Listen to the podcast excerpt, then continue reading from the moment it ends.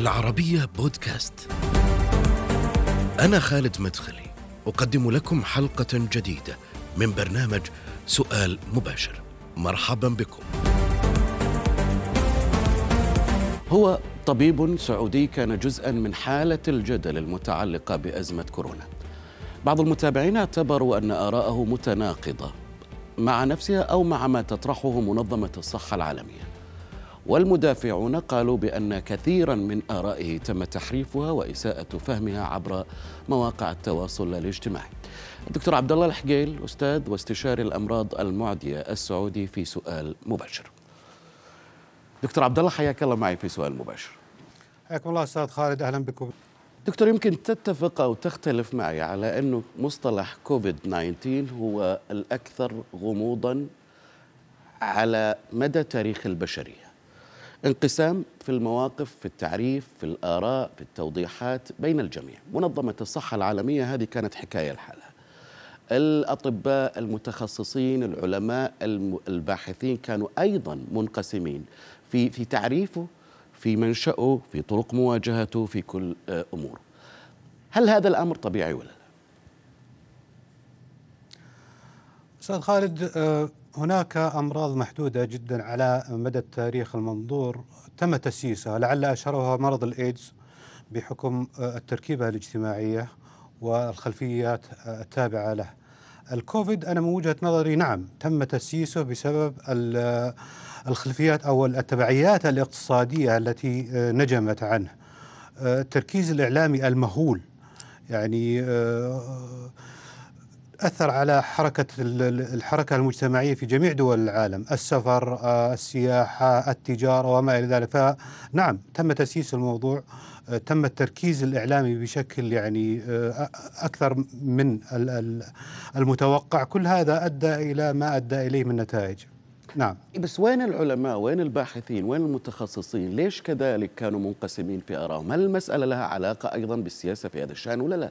يعني وين الآراء العلمية اللي جت متوافقة أو متطابقة من هذا الفيروس. يعني منظمة الصحة العالمية في البداية لم تكن تعرفه كوباء في البداية. ثم بعد ذلك قالت إنه وباء وتعلم ماذا حصل وهي منظمة الصحة العالمية. نعم إحنا تطرقنا لهذا الموضوع يمكن تذكر في فبراير أو مارس من بداية السنة وأنا أعتقد منظمة الصحة العالمية تعاملت مع الموضوع في البداية بمهنية مطلقة، يعني م. هناك محددات لكي نقول أن هذا المرض مثلا جائحة عالمية أو أنه فقط سبوراديك ولا ابيديميك في منطقة محدودة، لا هناك مقاييس عالمية محددة، م. ومنظمة الصحة العالمية تعاملت من هذا المنطلق بالتعريف العلمي الدقيق إلا أن الضغط السياسي ووضعه تحت المجهر بقوة جدا اضطر ويمكن تذكرون منظمة الصحة العالمية بممثلة برئيسها خرجت في أكثر من موقف بمواقف تحت تحت الضغط أحيانا تكون متناقضة علميا وهذا أثر حتى على مصداقيتها. اذا بكل تأكيد الضغط الإعلامي وضعها تحت المجهر الخلفيات السياسية والاقتصادية أثرت كلها جعلت المنظمة مختلفة لكن بالنسبة من الناحية العلمية الفيروس يعني ما هو حالة شاذة لا. هو ينتمي إلى مجموعة الفيروسات التاجية وهي فيروسات معروفة كما ذكرنا حقيقة من الستينات وأول التمحور لها كان في سارس في حوالي 2008 وبعدها جاء الميرس كوفي عندنا في السعودية والخليج. والآن هذا الموجة الثالثة أو النوع الثالث. فهذا النوع من الفيروسات ليس جديد معروف طيب. ويحصل ونتوقع في خلال السنوات القادمة أيضا دفعة أخرى من الفيروسات سوف تظهر. نعم. طيب دكتور انت أنت حضرتك كمان كان في تصريحات لك اعتبرت على أنها تصريحات متناقضة. في البداية عندما فرض الإغلاق في السعودية دعوت وبقوة لرفع كل الإجراءات الوقائية تدريجيا وبسرعة. بعدها بأسابيع أيضا وجدناك تصرح بان الدول التي لا تتبع. هذه الإجراءات الاحترازية قد تصل الاصابات فيها بفيروس كورونا إلى 70% أي التصريحين يعبر عن عبد الله الحكيل الآن؟ آه شكرا أستاذ خالد. حقيقة هذه نقطة مهمة جدا ومثل ما تفضلت أعتقد إنه كان في سوء فهم في آه تحليل التصاريح. نحن قلنا في البدايات أنها عند حدوث أي جائحة نعم يتم التحديد والحجر. ومن ثم يبدأ فك القيود. لا داعي لانك يعني خلينا نرجع إلى الخلف. الآن سهل التحليل. يعني آه، فرض الحجر لمدة ثلاثة أربعة أسابيع وبعد كذا رفع رفع الحجر. نعم. حصل بيك زيادة في الحالات استقرار ومن ثم نزول. لو أن الحجر استمر لمدة سنة ما دام أن الإصابات موجودة داخل المجتمع فأنت ستمر بهذه المراحل. مهما طالت المدة أو قصرت سوف تمر بهذه المراحل. الزيادة الثبات النزول. فوقتها إحنا كنا ننادي برفع الحجر تدريجيا مع الابقاء على الاحتياطات الوقائية. هي الكمامات غسل الأيدي التباعد الاجتماعي. فمرة أخرى يعني أنا ما زلت عند الموقف يعني سواء لو استمر الحجر زيادة أربع خمس شهور ورفع لا أدى إلى نفس النتيجة اللي حصلت بعد عيد رمضان ما في فرق دكتور بسيط ومن ثم يعني كانك تقول إنه. ما في فرق في في زيادة عدد أو في زيادة نسبة الإصابات والوفيات بين رفع الحجر أو ابقائه هذا معنى كلامك؟ لا أنا أقول رفع الحجر يعني بشكل تدريجي وهذه نقطة مهمة جدا. يعني لا ترفع الحجر بشكل قطعي مرة واحدة لا بشكل تدريجي. والالتزام بالطرق الوقائية الكمامات التباعد الاجتماعي. الآن ليش زيادة الحالات مثلا في أوروبا في أمريكا؟ بسبب الحركة المجتمعية ليس بسبب الموجات. هذا المرض لا أنا شخصيا أختلف مع كثير من الزملاء والزميلات. ما في شيء اسمه موجات أولى وثانية وثالثة لا. هذا يخضع للحركة المجتمعية. مثلا في أوروبا حصل تساهل في فترة الصيف والسياحة وما إلى ذلك زادت الحالات لاحقا. في أمريكا حصل رفع قبل الانتخابات وغيرها وأيضا عيد الشكر وما إلى ذلك. هذه كلها حركة مجتمعية ولكن إذا التزم الناس ليش الشيء هذا غير مشاهد مثلا في آسيا؟ وعندنا في السعودية الحمد لله يعني ما زال الوضع مستقر جدا بحكم الالتزام بالطرق الوقائية، هذا المرض ينتقل بطريقة محدودة جدا سهل السيطرة عليه بشرط الالتزام. بالطرق الوقايه كما ذكرنا كمامات غسل الايدي تباعد اجتماعي بإذن الله هذا يعتبر يعني آه طب ليش إذا الدول اتجهت إلى الحظر والإغلاق الكامل؟ لأنه في دراسات كثير دكتور قالت بانه إجراءات الغلق كانت لضمان سلامة النظام الصحي وعدم انهياره، بمعنى إنه لو فتح المجال لحصل آه، حالة من الانهيار للنظام الصحي وشاهدناه في أكثر من دولة على مستوى أمريكا وعلى مستوى الكثير من الدول الأوروبية دكتور. لا أستاذ خالد لا. اللي حصل مثلا خلينا نأخذ بريطانيا كمثال. بعد فترة الصيف حصل ارتفاع في الحالات فاضطروا يعودوا إلى أنت تضع القيود والإغلاق لفترة محددة وبعد كذا ترجع ترفعها تدريجيا حتى تمتص الصدمة وتبدأ الحالات تقل. يعني من أهم مخاوف الإدارة الصحية هي الضغط على الخدمات الصحية توفر الأسرة توفر آه، أجهزة التنفس وما إلى ذلك. إذا كان لديك نظام صحي متين فبإمكانك تمتص هذه الأشياء والتوعية والتثقيف. يعني مرة أخرى لو عدنا للمجتمعات الآسيوية سواء في الصين أو في كوريا أو في اليابان ثقافة المجتمع غير الثقافة الغربية. يعني الالتزام آه، يكون آه، أكثر التزاما منه في الدول الغربية سواء في أوروبا أو في آه، أمريكا. يعني بعض دول أوروبا ما زال الالتزام عندها جيد ونتائجها جيدة. لكن خاصة أمريكا الشمالية آه، فيها تراخي اجتماعي وثقافة معينة فلذلك عدد الحالات عندها بشكل كبير جدا نفس الشيء على البرازيل. وبعض الدول الفقيرة يعني أيضا مثلا الهند بحكم الزحمة الشديدة فيها أو آه، بعض الدول التي لديها خلل في البنية التحتية مثل إيران والعراق هذه كلها تؤثر عليها لكن الدول التي بنيتها قوية وتلتزم بالإجراءات لا. أنت مع نعم. مناعة القطيع وهذا قلت في أكثر من تصريح دكتور. خليني أسألك عن الدول اللي نجحت في اتخاذ هذه السياسة برأيك. ما هي؟ لا مناعة القطيع إحنا قلنا مناعة القطيع تكون مع التزام بالإجراءات الوقائية. يعني لا تقول للناس لا تلبسوا كمامات آه، روحوا وسووا اللي تبغونه اختلاط آه، تزاحم لا. مناعة القطيع يعني هذه تساهم في نشر أو تقوية المناعة المجتمعية وهي حاصلة. يعني في في لندن قبل شهرين أو ثلاثة سووا فحص عشوائي. تبين أن حوالي تقريبا 30% من سكان لندن عندهم أجسام مضادة تعرضوا للإصابة. فهي موجودة. يعني يجب أن نعرف الآن وعندنا معلومات قوية جدا عن المرض أكثر من 60 مليون إصابة. معظم من حصل لهم مضاعفات هم من يعانون من خلل في الجهاز المناعي. يعني نسبة الوفيات ما زالت حوالي يعني تقارب الواحد في المية. آه، ومن الواحد في المية هذول يمكن 98 أو 99 هم ناس عندهم مشكلة في الخلل المناعي. يعني الناس الأصحاء الأقوياء يمتصون الصدمة بشكل جيد ولا تحصل لهم مضاعفات. إذا قضية مناعة القطيع هي آه، التس يعني فتح المجتمع بحذر بمعنى أنك تلتزم بالطرق الوقائية الكمامات التباعد الاجتماعي ولكنك أيضا تسمح بمزاولة النشاط. الحجر له مضاعفات نفسية مخيفة مدمرة حقيقة وأنا لست من أقول ذلك يعني حقيقة تكلم عنها علماء النفس وعلماء الاجتماع. يعني آه، كونك تغلق على الناس في بيوتهم لأسابيع يؤدي إلى مشاكل نفسية، يؤدي طيب. إلى سمنة، زيادة التدخين، في الغرب المشروبات وما إلى ذلك، نعم. الموجات دكتور أنت تقول انه ما في موجات أنا أبغى تفسيرك اليوم مؤشر المرض في السعودية آه، آه، يعني مؤشر منخفض مقارنة بالموجة الأولى زي ما يقولوا يعني آه، البعض. في أمريكا الوضع مختلف موجة ثانية أشد وأقوى وأكثر ضراوة من الموجة الأولى. عالميا أيضا المؤشر العالمي كذلك مرتفع بشكل كبير جدا يختلف أيضا فيها بلد من بلد آخر. تفسيرك لهذا الارتفاع لعودة الإصابات بارقام هائله في دول أوروبا وأمريكا. الأمراض الوبائية التي تكون على شكل موجات معظمها تكون مرتبطة موسمية يؤثر عليها الفترات الموسمية خلال السنة، المعلومات المتوفرة عن كورونا سواء في سارس أو في ميرس كوفي اللي حصل في السعودية والخليج أنها غير موسمي، عندنا في السعودية نعم كانت تحصل زيادات في بداية يعني إلى شهر مارس ولكن هذا مرتبط بصغار الإبل وليس بدورة الطقس، يعني التفسير العلمي لما هو حادث في أمريكا الشمالية وبعض دول أوروبا هو الحركة المجتمعية وليس موجة أو تأثير طقس. هو النشاط الاجتماعي التقارب التفاعل تغير التراخي في آه، الالتزام. الشتاء وغيره. ما هو نعم. المبكر يعني ما كان له دور في هذا الموضوع. ما يمكن توقع موجة ثانية بشكل أقوى في السعودية إذا ما دخل الشتاء بشكل أقوى؟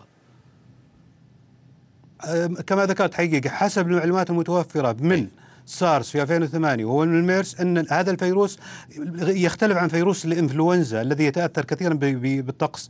يعني المعلومات المتوفرة حاليا ان فيروس كورونا لا يتأثر كثيرا بالطقس ولكنه يتأثر بالحركة المجتمعية والتباعد والتقارب.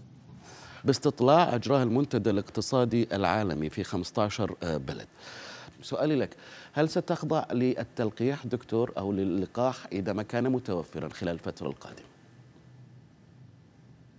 أنا شخصيا آه، يعني أول ما يوصل اللقاح يمكن أكون أول واحد يأخذه. اليوم فيه تقريبا تسعة إلى عشر لقاحات بات الحديث عنها بشكل كبير بين لقاحات أمريكية لقاح بريطاني الجارديان آه، آه، أيضا كانت قد تحدثت بأنه تم اعتماد لقاح أكسفورد في في بريطانيا. ف ليش عند الناس خوف وهلع من هذا اللقاح؟ هل الأمر طبيعي؟ وخاصة اليوم وبناء على نتيجة هذا الاستطلاع أنه في 77% في أغسطس مثلا على سبيل المثال كانوا مع اللقاح. تراجع بعد ذلك الرقم إلى 73% ما زال مستمر هذا التراجع. يعني كل ما اقترب موعد التطعيم كل ما تراجعت ثقة الناس في اللقاحات. ما رأيك دكتور؟ آه هذا حقيقة يعني متوقع متوقع حقيقة الخوف التردد وأيضا الدعاية المضادة بكل أسف يعني وهذه ثقافة شعوب يعني ما هو بس فقط يعني في الدول النامية ودول العالم الثالث مبدأ المؤامرة. يمكن تذكر والكثير من الأخوة والأخوات المشاهدين آه، اتهام مثلا شركات الأدوية أنها وراء تصنيع هذه الفيروسات. المؤامرة. يعني هذه المقولة. مؤامرة نظرية المؤامرة حقيقة وهي ليست كما ذكرنا خاصة بالدول النامية حتى في الدول المتقدمة يعني. آه، نظرية المؤامرة مشهورة من من الإيدز إلى إنفلونزا الطيور إلى وصلنا إلى الكوفيد. فهناك من يعمل ضد هذا الشيء. اللقاحات هي أفضل أفضل طريقة للسيطرة على الأمراض المعدية. مرض الجدري مرض قاتل لا يوجد له علاج. استطعنا القضاء عليه وتخليص البشرية منه بواسطة اللقاحات. بس ما تشوف إن الأمر غريب دكتور؟ آثاره مدمرة على البشرية. يعني نتكلم عن بعض الشركات من أي ناحية؟ أصلا لم يكن لها تاريخ في إنتاج اللقاحات دخلت في هذا السباق، سباق محموم اليوم موجود بين الشركات العالمية. نتكلم على السرعة اللي استطاعت فيها هذه الشركات أن تنتج هذا اللقاح يعني عام تقريبا آه، وبدأنا الحديث عن إنتاج بنسبة عالية 95 أو 90 فما آه، آه، فوق كل ذلك لا يدعونا إلى التشكيك في هذه اللقاحات هذه الشركات لماذا مثلا لم تنتج لقاح لإيبولا لسارس للإيدز مثلا على سبيل المثال ونجحت فقط أحسنت. في في, أحسنت. في كورونا شكرا لا شكرا شكرا حقيقة. هذه نقطة مهمة جدا جدا. النجاح في إنتاج لقاح يعتمد على تركيبة الجرثومة سواء الفيروس أو البكتيريا أو غيرها. مثلا الملاريا خلينا نعطيك حاجات بسيطة جدا. الملاريا مرض قاتل يقتل بمئات الآلاف إن لم يكن بالملايين في أفريقيا. من عشرات مئات السنين للأسف لم نتمكن من إيجاد لقاح له. الملطيه منتشرة في منطقتنا لا يوجد لها لقاح. بينما الإنفلونزا لها لقاح. التركي... ال- ال- شلل الأطفال كما ذكرنا له لقاح. تركيبة الفيروس أو الجرثومة هي من يحدد إمكانية صناعة أو إنتاج اللقاح لهذا الشيء. لماذا اتجهت الشركات بكثرة لإنتاج هذا اللقاح لعدة أسباب؟ اولا للسبق العلمي والدعم العلمي لسمعة الشركة يساهم في دعمها اقتصاديا. ورفع أسعارها وهذا ما حصل بالفعل. السرعة في إنتاج اللقاح عادة يعني إنتاج تجارية. اللقاحات يستغرق سنوات. لا تجارية وعلمية، تجارية وعلمية. يعني بحكم أن هذا المرض أوقف الحركة التجارية والاجتماعية على مستوى العالم، سواء الطيران، التواصل المجتمعي وما إلى ذلك، فكان هناك دفع قوي جدا، يعني حتى ال- الحكومات هي من دفعت للشركات لتطور هذه اللقاحات.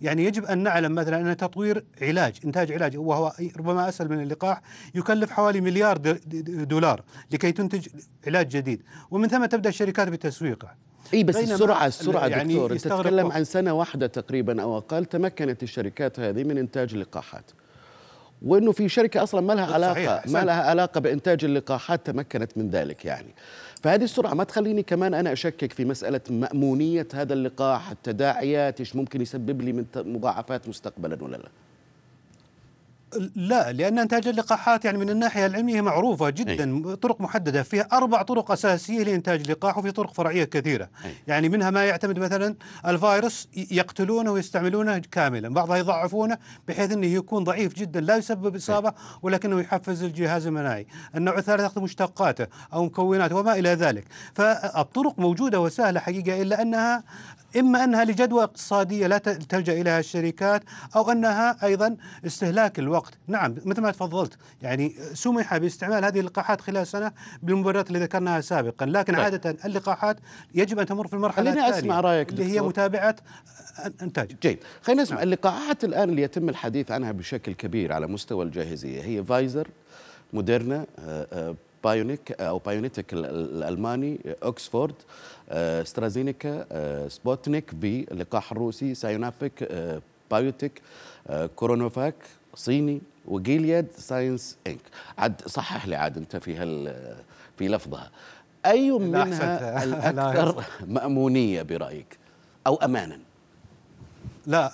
أيوه أحسنت. هذا سؤال هذا هذا اللي كان يؤجل السماح باستعمال اللقاحات لانها يجب أن تدخل المرحلة الثالثة يعني مرحلة جديدة اللي هي متابعة من أخذ اللقاح ليس لعدة أشهر يستمر إلى سنتين ثلاث أربع جيد بس في في, في مجموعة من اللقاحات هذه حتى الآن ما ظهرت نتائج المرحلة نعم. الثالثة لتجاربها دكتور؟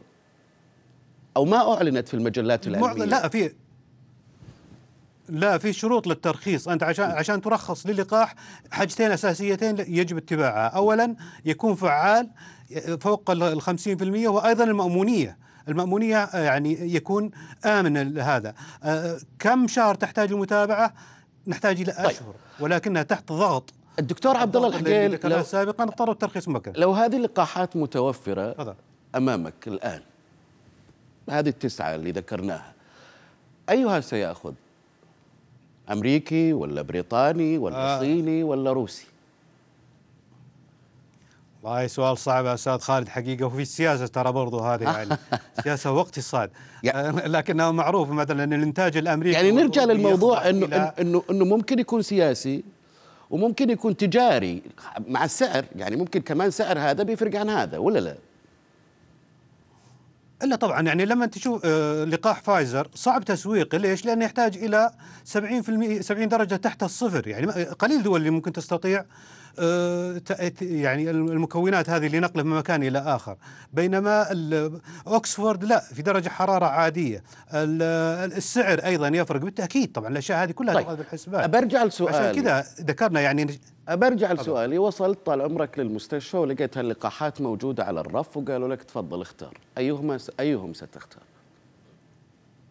والله أرجع إلى النشرات العلمية والمعلومات المتوفرة عن كل لقاح وأشوف أكثرها مأمونية وفعاليه أنت دكتور ولك خبرتك في هذا المجال وفي طيب. اللقاحات يا دكتور. وأنت تعرف أمريكا وش معناها وشركات الأدوية الأمريكية وش معناها والبريطانية والألمانية والصينية والروسية. أعطني إجابة دكتور. المرة الثانية هذا يمكن يخضع للتسويق حقيقة وأنا مالي في التجارة لكن من الناحية العلمية يجب أن يكون مدعم بأبحاث ومنشورات في مجلات علمية رصينة هي اللي عادة ينشر فيها ال- المدونات العلمية فهذه الواحد يرجع لها لكنها يعني وأنا لا كمواطن طيب أن أنا المنتج كشخص طبيعي ما عندي الخلفية ولا أعرف في مسألة النشرات والأبحاث ولا أدري وش سألفتها وقصتها. إيش تنصحني؟ والله أصلا هذا لا هو خياري ولا خيارك يعني. كل وزارة الصحة هي من سيختار اللقاح بناء على المعلومات الطبية المتوفرة أيضا يؤخذ في الحسبان وسائل النقل والسعر وما إلى ذلك. يعني عادة في الطب لدينا أربع محددات لاستعمال العلاج. أي. رقم واحد يجب أن يكون فعال. فإذا عندك خمس علاجات فعالة تأخذ أقلهم ضرر يعني المأمونية هذا رقم اثنين. أي. بعد كذا ننتقل للمرحلة الثالثة اللي هي السعر.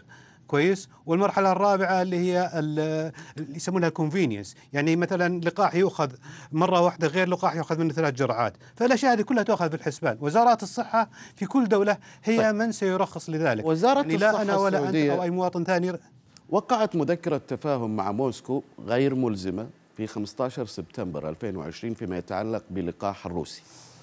أيضا هناك تجارب سريرية على ما أعتقد أو حسب ما هو منشور أيضا في السعودية آه، على اللقاح الصيني وهو أيضا يمكن جرى التركيز عليه في بعض دول الخليج كالإمارات أيضا آه، تم الحديث عن تجارب وبدأ إعطاء اللقاح للبعض.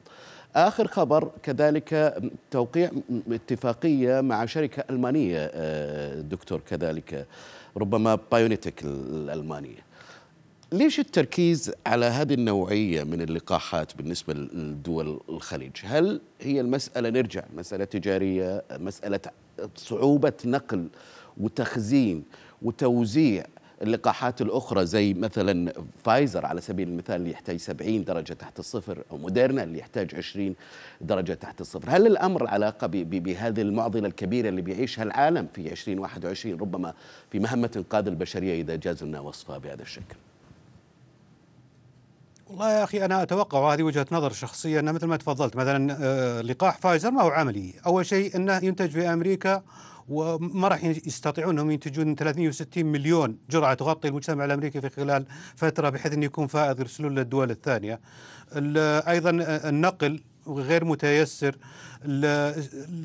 متابعة الفعالية والأمان هذه هي مسؤولية مثلا عندنا في السعودية هيئة الغذاء والدواء. يعني عندهم شروط آه، دقيقة جدا متابعة ال- ال- المأمونية والفعالية. فإذا ثبت الشيء هذا سواء كان من الصين أو من روسيا أو من بريطانيا أو ألمانيا فليكن. فأعتقد هذه هي المحددات لذلك. أحد الأطباء العرب قال بأنك بأن 2021 شي- سيشهد إصدار بطاقة هوية جديدة أو باسبور جديد. ملقح أو غير ملقح. بدونه لن يسمح لك بالسفر أو العمل أو دخول قاعات السينما كما يقول. ولن يسمح لابنك بدخول مدرسة أو جامعة. وستكون بذلك مجبرا على أخذ اللقاح رغما عنك. هل سيكون العالم بهذا الشكل دكتور؟ لا أنا لا أتوقع هذا لكنها بالعكس أنا لو كنت في موقع اتخاذ قرار اقتصادي أي شخص أصيب يعني تعافى من مرض الكوفيد وثبت أن لديه مضادات. أعطيه ورقة وأقول أن الرجل هذا أو الشخص هذا سليم. لا يعدي ولا تنتقل له العدوى. أيضا من أخذ اللقاح. بالشكل هذا أنت راح تدعم الناس اختياريا أنهم يأخذوا اللقاح. ولكن أنا أقولها مرة أخرى. توقعاتي الشخصية أنه في على منتصف ال- ال- العام القادم يعني 80 90% من مرض كورونا سوف يكون خلفنا. سواء باللقاح باللقاح أساسا حقيقة إضافة إلى التداول والنشط اللي يكون مختلف الشركات راح يغطي قطاع كبير جدا جدا ومعظم الناس سوف تأخذ هذا اللقاح ومن لم يأخذ اللقاح سوف تأتيه الإصابة طيب. والذي نتمنى إن شاء الله أن يشفى منها. سؤال أخير دكتور طلاب الجامعات في السعودية اليوم ينادون آه، بأن يعاملوا كمعاملة الطلاب في التعليم العام. أن تكون اختباراتهم آه، عن آه، بعد. أنت مع أو ضد؟ أه لا أنا حقيقة ليس فقط الامتحانات بل في الدراسة. أنا من المطالبين وبقوة حقيقة بأنها تكون حضوري. شو دكتور؟ واللي يصابون؟ تعتمد على لا اسمح لي بس أنا بقول لك ليش ليش وجهة نظر هذه؟ تستند على أسس علمية. اولا النقطة الأولى أنه الآن بعد أكثر من 60 مليون في الإصابة نسبة المضاعفات بين صغار السن والشباب تعد على الأصابع أعداد محدودة جدا جدا. هذه النقطة الأولى. النقطة الثانية أيضا أن أسر الطلاب خصوصا طلاب مراحل التعليم العام معظمهم أيضا من فئات الشباب. هناك بعض الاستثناءات بلا شك يعني بعض الأسر لديهم أناس يعانون من خلل مناعي. النقطة الثالثة أنه يعمل نظام حقيقة يكون فيه استثناء مثلا الناس الطلاب الذين يعانون من أمراض مزمنة أو لديهم نسبة خطورة عالية أو لديهم في الأسرة أحد يعاني من أمراض مزمنة يكون لهم ترتيب خاص. النقطة الرابعة كما ذكرنا حقيقة أدنى يعني بعيدا عن التحصيل الأكاديمي التأثير النفسي والاجتماعي عن بقاء هذا الصغار السن والشباب في المنازل راح سلوكيا نفسيا اي بس واحد ممكن يعدي لك عشرة ممكن يعدي أهله ممكن يعدي أسرته دكتور فيهم مرضى فيهم كبار للسن فبالتالي أنت ما يمكن تضمن هذا أيوة لا أنا قلت لك الكلام هذا حقيقة يعني. طيب. إحنا نتكلم عن الأسر السوية يعني لكن لنا إذا كان عندك مثلا أسرة فيها جدهم ولا جدتهم عمرها 70 80 سنة هذه تؤخذ في عين الاعتبار حقيقة. وحتى التباعد الاجتماعي داخل المنزل ممكن أن يطبق. لكنها لا يمكن الآن في في أمريكا بالرغم من الزيادة المهولة في عدد الحالات وحتى في أوروبا يعني السي دي سي في أمريكا مركز مكافحة الأمراض ومراكز مكافحة الأمراض في أوروبا كلها تسمح بدراسة حضوريا لأنها فعلا يعني فئات الشباب لا تتأثر كثيرا بهذا المرض. الله يعينك. المردود الأكاديمي والمردود الاجتماعي والنفسي. الله يعينك على الطلاب الحين. عاد إيش بيقولون بعد موقفك هذا يا دكتور؟ شكرا جزيلا لك دكتور عبد الله الحقيل. استشاري واستشاري الأمراض آه، المعديه السعودي. كنت معنا في سؤال مباشر من الرياض. نهاية سؤال مباشر. إلى اللقاء.